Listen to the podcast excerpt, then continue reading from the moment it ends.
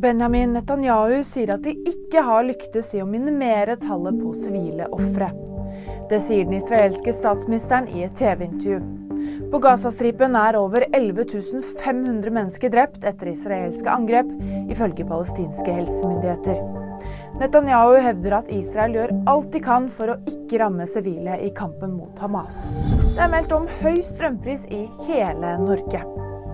Fredag vil spotprisen vake rundt 1,37 kroner i snitt per kilowattime over hele landet, mens maksprisen nikker 1,7 kroner. Argentina gikk på sitt første tap i VM-kvalifiseringen. Laget hadde vunnet samtlige av de fire første kampene i kvalifiseringen, men hjemme mot Uruguay ble seiersrekken brutt. Vil du vite mer? Nyheter finner du alltid på VG.